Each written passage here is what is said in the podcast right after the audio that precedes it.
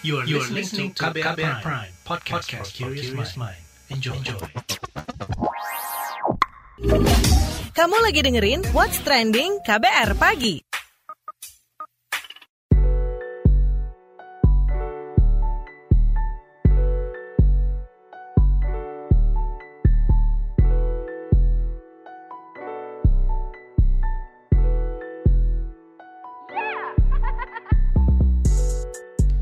KBR Pagi, siaran pagi radio paling update. Selamat pagi, apa kabar Anda hari ini di hari Selasa 2 November 2021? Ketemu lagi dengan saya Don Brady di What's Trending KBR Pagi pastinya. Dan kita ngobrolin soal peraturan menteri atur penanganan kekerasan seksual di kampus.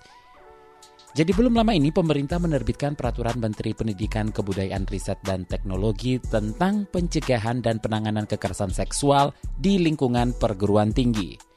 Menurut Mendikbudristek Nadiem Makarim, peraturan itu untuk menekan angka kekerasan seksual di perguruan tinggi yang jumlahnya semakin meningkat. Mas Menteri Nadiem menegaskan para pelaku yang terbukti melakukan kekerasan seksual bakal dikenakan sanksi ringan hingga berat semisal dikeluarkan dari kampus. Kata dia, Permendikbud Ristek ini disusun sejak 2020 dengan menggandeng berbagai pihak, di antaranya perwakilan perguruan tinggi. Berdasar survei Kementerian Pendidikan, Kebudayaan Riset dan Teknologi pada 2019, kawasan kampus menempati urutan ketiga sebagai lokasi rawan kekerasan seksual setelah jalanan dan transportasi umum. Nah, kita bakal bahas lebih lanjut soal ini, tapi seperti biasa, kita dengar dulu opini netizen plus 62 berikut ini.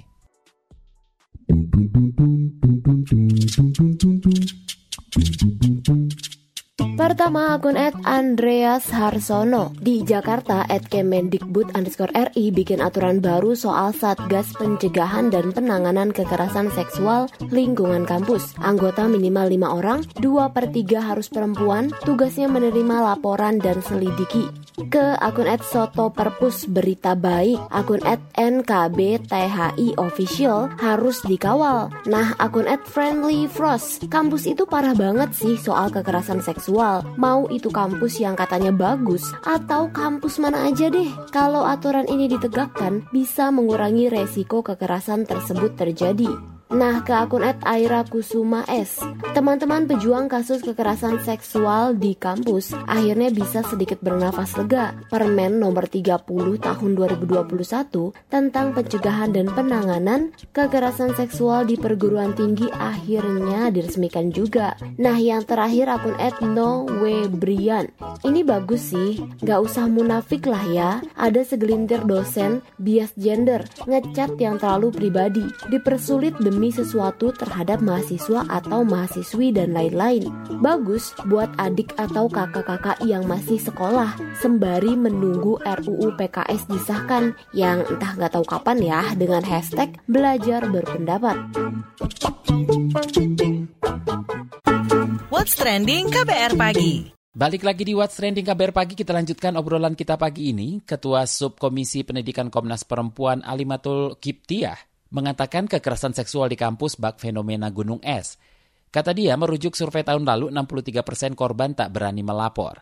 Karena itu, ia mendorong Kemendikbudristek dan perguruan tinggi berkomitmen mencegah hingga memulihkan korban kekerasan seksual di kampus. Berikut penuturannya. Uh, kalau saat ini serasa adem ayem itu karena memang banyak korban yang tidak melapor gitu.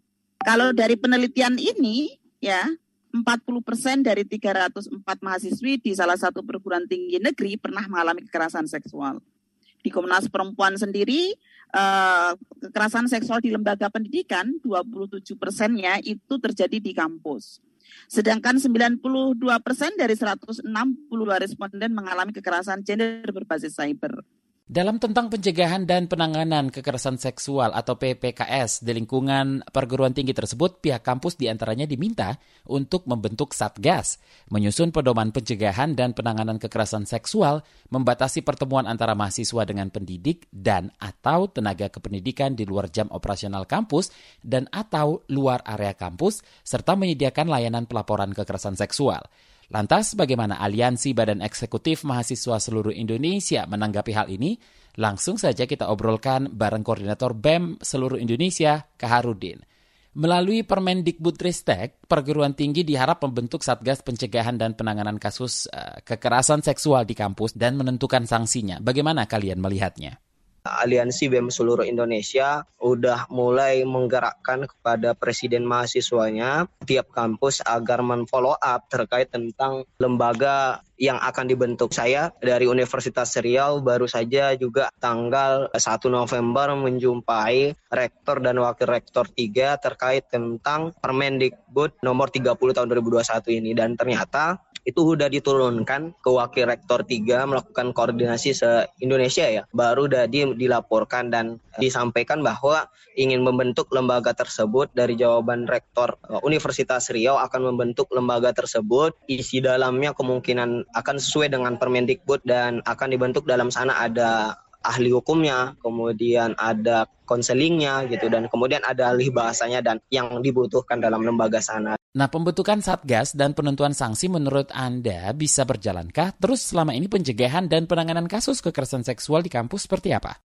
Baru-baru ini kan juga sebelumnya udah kita pelajari juga bagaimana terkait tentang kasus-kasus. Sebenarnya kalau di data banyak gitu terkait tentang baik itu verbal dan non verbal. Cuman tidak beraninya korban bagaimana dengan adanya Satgas ini ya ada yang memantau dari lembaga khususnya karena saya juga bergerak dari tingkat jurusan pun dan sekarang tingkat universitas dari jurusan itu nggak berani ambil sikap dari pihak kampusnya gitu pimpinan tertinggi dari universitasnya karena tidak ada aturan yang mengatur terkait tentang hal tersebut dikembalikan kepada untuk jalur hukumnya.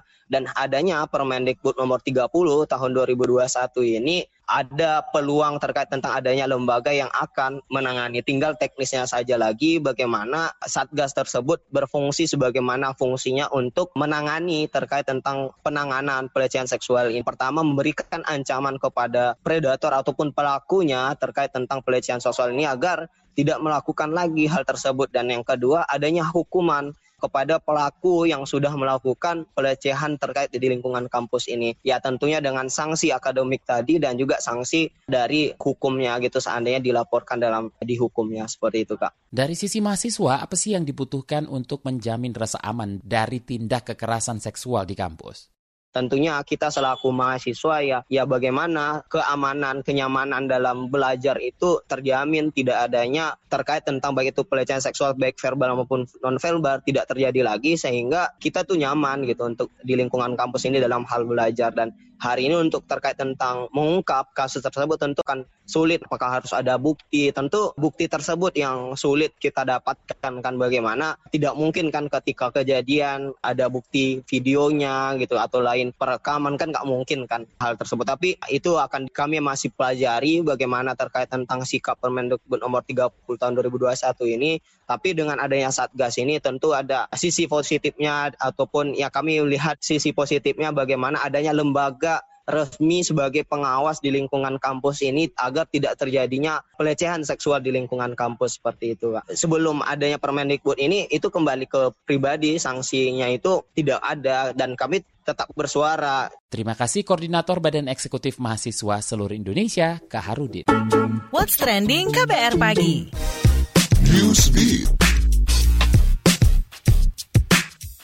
Amerika Serikat menolak untuk mengakui pemerintahan Taliban di Afghanistan. Hal ini membuat Taliban meradang. Juru bicara Taliban, Zabihullah Mujahid, mengancam Amerika dan negara-negara lain untuk mengakui pemerintahannya. Mujahid mengungkit perang antara Taliban dan Amerika Serikat terakhir kali karena tidak adanya hubungan diplomatik. Ia mengklaim akan menjadikan persoalan ini dari masalah kawasan menjadi masalah dunia. Hingga kini belum ada negara yang mengakui Taliban sebagai pemerintahan resmi di Afghanistan. Namun beberapa pemimpin negara seperti Tiongkok dan Turkmenistan menemui kelompok Taliban di Kabul atau di luar negeri. Jubir Taliban Zabihullah Mujahid mengklaim kelompoknya bisa menegosiasikan atau kompromi soal isu-isu penyebab perang ke depannya. Pertama kali menemukan kasus COVID-19, pemerintah negara Kepulauan Pasifik Selatan Tonga mempersiapkan diri untuk menerapkan kebijakan lockdown. Perdana Menteri Tonga mengaku tengah mempergunakan waktu yang ada untuk bersiap dan melakukan tracing kasus. Kasus COVID-19 pertama kali ditemukan pada Jumat 29 Oktober lalu. Kasus ini berasal dari seseorang yang habis melakukan perjalanan dari Selandia Baru. Saat ini Kementerian Kesehatan tengah mengkarantina orang-orang yang memiliki riwayat kontak dekat dengan penumpang tersebut. Lisa Blackpink mencatat rekor baru di Inggris. Ia menjadi solois K-pop perempuan pertama yang lagunya bertahan di tangga lagu Inggris Raya selama 4 pekan. Lagu Money dari member girl group Blackpink inilah yang mampu bertahan di tangga lagu Inggris. Money dirilis Lisa pada 10 September lalu dan masuk ke peringkat 81 daftar lagu Inggris pada awal Oktober. Setelahnya, lagu Money terus menanjak di tangga lagu Inggris. Sebelumnya, satu-satunya musisi K-pop yang mampu bertahan lama di tangga lagu Inggris adalah Psy. Psy mampu bertahan di tangga lagu Inggris selama 19 pekan berkat lagu Gentleman.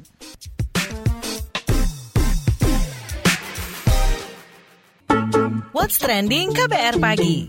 Kita lanjutkan ngobrolin soal peraturan Menteri atur penanganan kekerasan seksual di kampus. Nah, salah satu lembaga bantuan hukum yang kerap menangani kekerasan seksual LBH Apik Indonesia berharap dengan terbitnya Permendikbudristek semua kampus membentuk program sistematis terkait pencegahan dan penanganan kekerasan seksual. Koordinator Pelaksana Harian Asosiasi LBH Apik Indonesia Kotimun Sutanti menyebut selama ini ada banyak kasus kekerasan seksual yang tak terungkap lantaran korban tak melapor karena khawatir akan berdampak buruk bagi mereka. Terlebih ada relasi kuasa semisal kekerasan oleh dosen terhadap mahasiswa.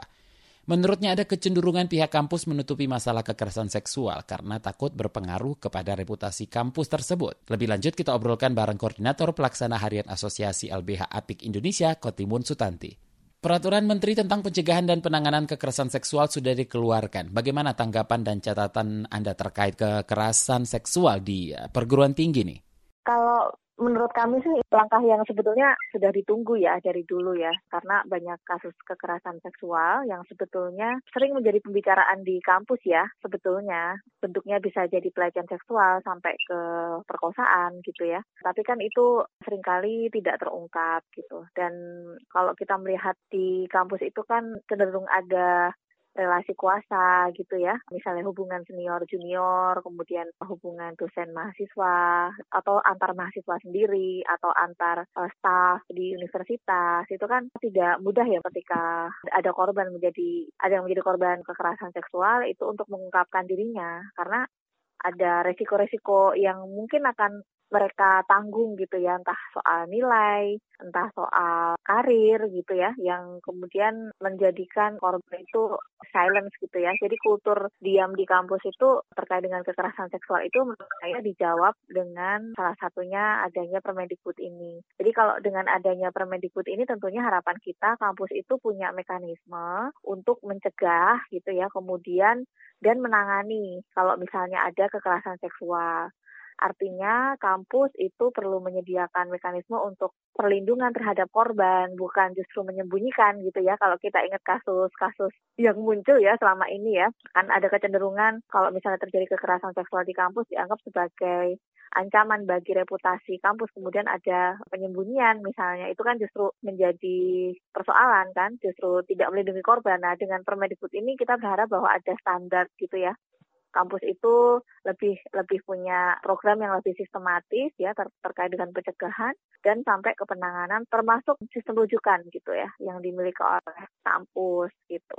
Bagaimana Anda melihat sistem penanganan kasus kekerasan seksual di kampus selama ini? Biasanya ya kalau selama ini kampus mungkin tidak punya sanksi khusus gitu ya. Uh, ada sih yang kampus-kampus tuh punya mekanisme kayak kode etik misalnya dosen tidak boleh melakukan A dan B gitu kan. Tapi kan tidak punya mekanisme untuk secara spesifik ya bagaimana menerima pengaduan yang dialami oleh pihak sivitas akademika di internal kampus itu sendiri gitu. Nah, selama ini langsung misalnya mereka tahu jalur OBH ya ke OBH gitu kan. Tapi kan tidak semuanya menempuh jalur itu, sedangkan uh, pelakunya tidak ada tindakan sama sekali, entah sanksi dari kampus maupun sanksi yang lain gitu. Lantas, bagaimana dengan persoalan silent treatment atau keengganan mengungkapkan kasus kekerasan seksual di kampus?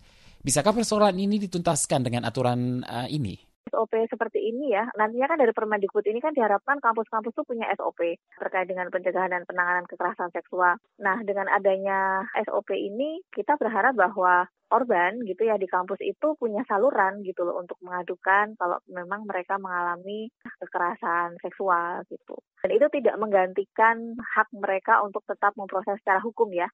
Jadi kan ini mekanisme internal kampus itu bagaimana uh, mereka menindak gitu yang ada di internal mereka, mencegah dan menangani, tapi tidak mengurangi hak dari korban untuk melanjutkan proses hukum. Sebetulnya itu sih. Itu kan harapannya sebetulnya dengan adanya SOP itu ada saluran pengaduan juga kan di internal itu selain juga ada kampanye untuk memberitahukan ini loh bentuk-bentuk kekerasan seksual gitu kan tapi juga diharapkan e, nanti ada mekanisme pengaduannya jadi kalau misalnya ada kegiatan gitu ya, mereka bisa mengadu ke mana ketika misalnya ada pihak kampus yang melakukan misalnya pelecehan seksual gitu ya. Setidaknya punya saluran untuk pengaduan rasa lebih aman gitu karena kampus punya sistemnya.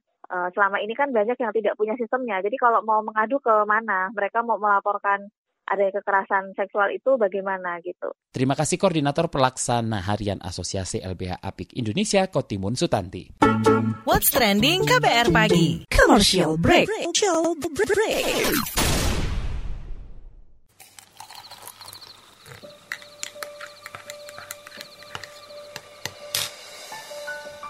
Hai, kamu apa kabar?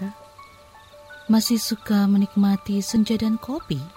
Aku masih ingat kebiasaan kita. Sehabis pulang kerja, selalu mencari tempat untuk sekedar ngobrol dan ngopi. Tapi kadang kita kehabisan bahan obrolan. aku masih melakukan hal yang sama sampai sekarang tanpa harus takut habis bahan buat ngobrol. Karena aku selalu mendengarkan KBR sore dari Senin sampai Jumat jam 4 sore. Ah, aku rindu.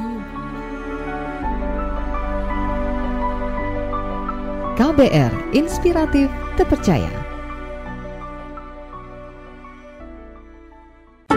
What's trending KBR pagi?